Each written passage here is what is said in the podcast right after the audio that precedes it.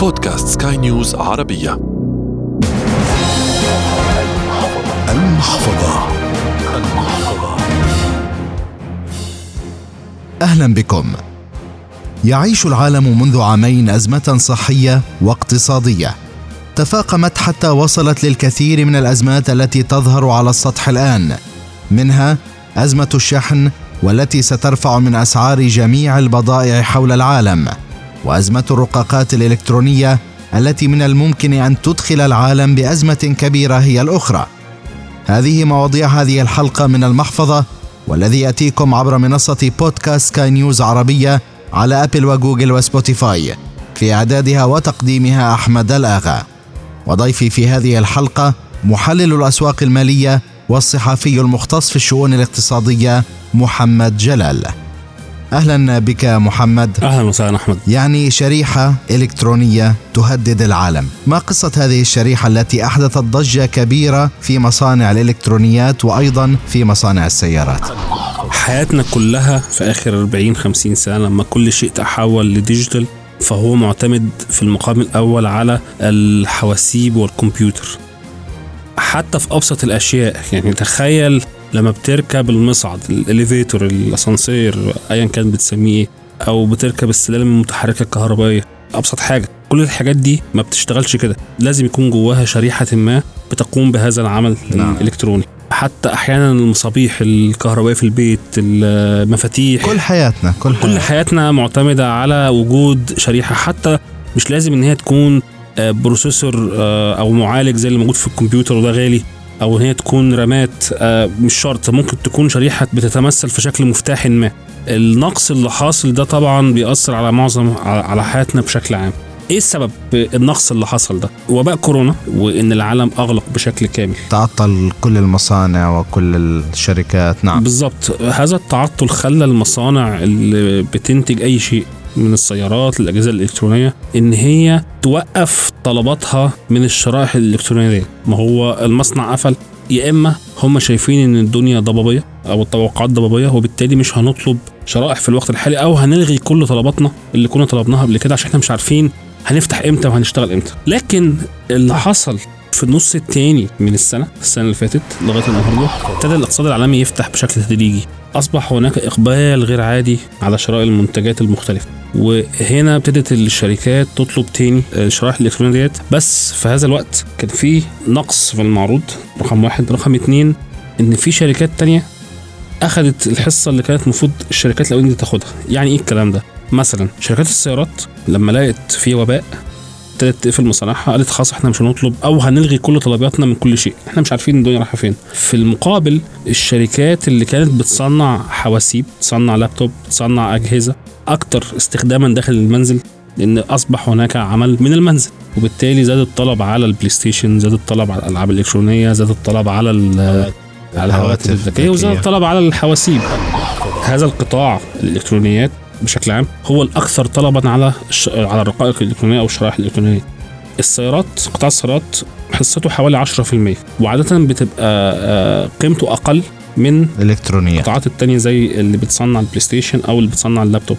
فبالتالي الشركات اللي بتصنع الرقاقات بتفضل إن هي تتعامل أكتر مع آه، اللي بيصنعوا هواتف ذكيه لأن القيمه أعلى في البيع.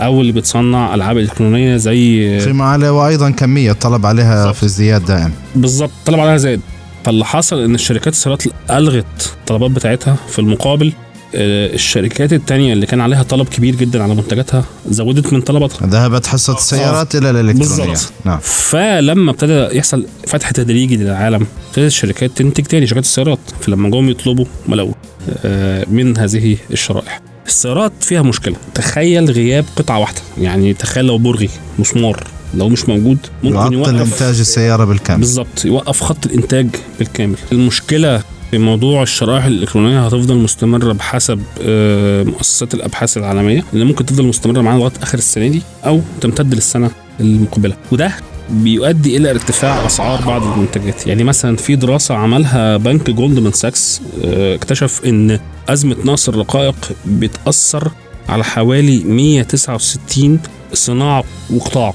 وبيتوقع إن بسبب التأثير ده ممكن يرفع الأسعار في المتوسط 3% حاليا. طب المشكلة الثانية أزمة الشحن. المشكلة الثانية أزمة الشحن يعني تحسها هي لها علاقة بنفس الموضوع بشكل ما أو بآخر. بس خلينا نقول إن بس ممكن تاثر أكثر. طبعا الشحن البحري بينقل 80% من حجم البضائع اللي في العالم.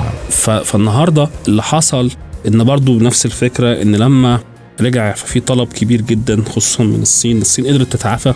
بشكل كبير جدا. أسرع. بالظبط بشكل أسرع. والصين تعتبر أكبر مصدر في العالم فمحتاجة حاويات. الحاويات حصل فيها نقص. الحاويات اللي هي الكونتينرز اللي هي بتبقى 20 قدم أو 40 قدم حصل فيها نقص كبير جدا. عدد الحاويات الموجود ما كانش على قد الطلب الموجود. فتخيل بقى إن شركات الشحن بالنسبة لها إن هي تنقل من الصين لأمريكا أفضل من إن هي تنقل من أمريكا للصين. بمعنى إيه اللي حصل؟ مشكلة بدايتها إن الحاويه تطلع من الصين بتروح لأمريكا. بتكون تكلفتها عشر مرات أعلى من لما تبعت حاوية من من أمريكا للصين. فشركات الشحن عملت إيه؟ ابتدت إن هي كان زمان أو كان قبل الأزمة أو بشكل عام يعني عادة 50% من الحاويات لما أنت بتصدر الحاوية ما بترجعش فاضية. بيملاها عشان شركه الشحن تستفيد من من التو ويز المرة دي بقى شركات الشحن بسبب الطلب الكبير اللي حصل على الحاويات من الصين. فأنا مثلا النهارده الحاوية طلعت من الصين راحت أمريكا فضت البضاعة. مش تستنى بقى تملاها بضاعة تانية وترجع مليانة لا يرجعها عشان فارغه يرجع يحمل. هو بالنسبة له بيبيع بسعر 10 مرات أكتر لما يبيعها من الصين لأمريكا أكتر من أمريكا للصين. الجزء الثاني طبعا العالم في نقص في الحاويات بسبب الطلب الكبير اللي حصل بعد التعافي آه، اللي كانش متوقع يعني في النص الثاني بالذات من السنة اللي فاتت. لما ابتدت برضو تاني الدول تفتح بشكل تدريجي نوعا ما ونوعا ما من السيطرة على الوباء نوعا ما برضو. فابتدى يحصل طلب غير عادي على آه، التجارة الدولية وده أدى إلى طلب كبير جدا على آه، الحاويات طبعا كل ده بيترجم في إيه؟ بيترجم في ارتفاع أسعار الشحن وبالتالي أسعار الشحن لما بترتفع بشكل كبير جدا وإذا أصبحت مؤثرة على سعر المنتج ففي الغالب التاجر مش هيقدر يستوعب الزيادة الكبيرة دي. وبالتالي هيحولها للمستهلك. في النهاية لما المستهلكين يرجعوا يطعموا وينزلوا الشارع ويخرجوا ويشتروا حاجات تاني هيحسوا ببعض الارتفاع في الأسعار بسبب تكلفة الشحن اللي حصلت دي. إلى هنا وصلنا وإياكم إلى ختام هذه الحلقة من المحفظة والتي كان في إعدادها وتقديمها أحمد الآغا وكان فيها ضيفنا محمد جلال محلل أسواق المال والصحفي المختص في الشؤون الاقتصادية. وأيضا في الإخراج الإذاعي كان معكم غسان أبو مريم. إلى اللقاء. المحفظة.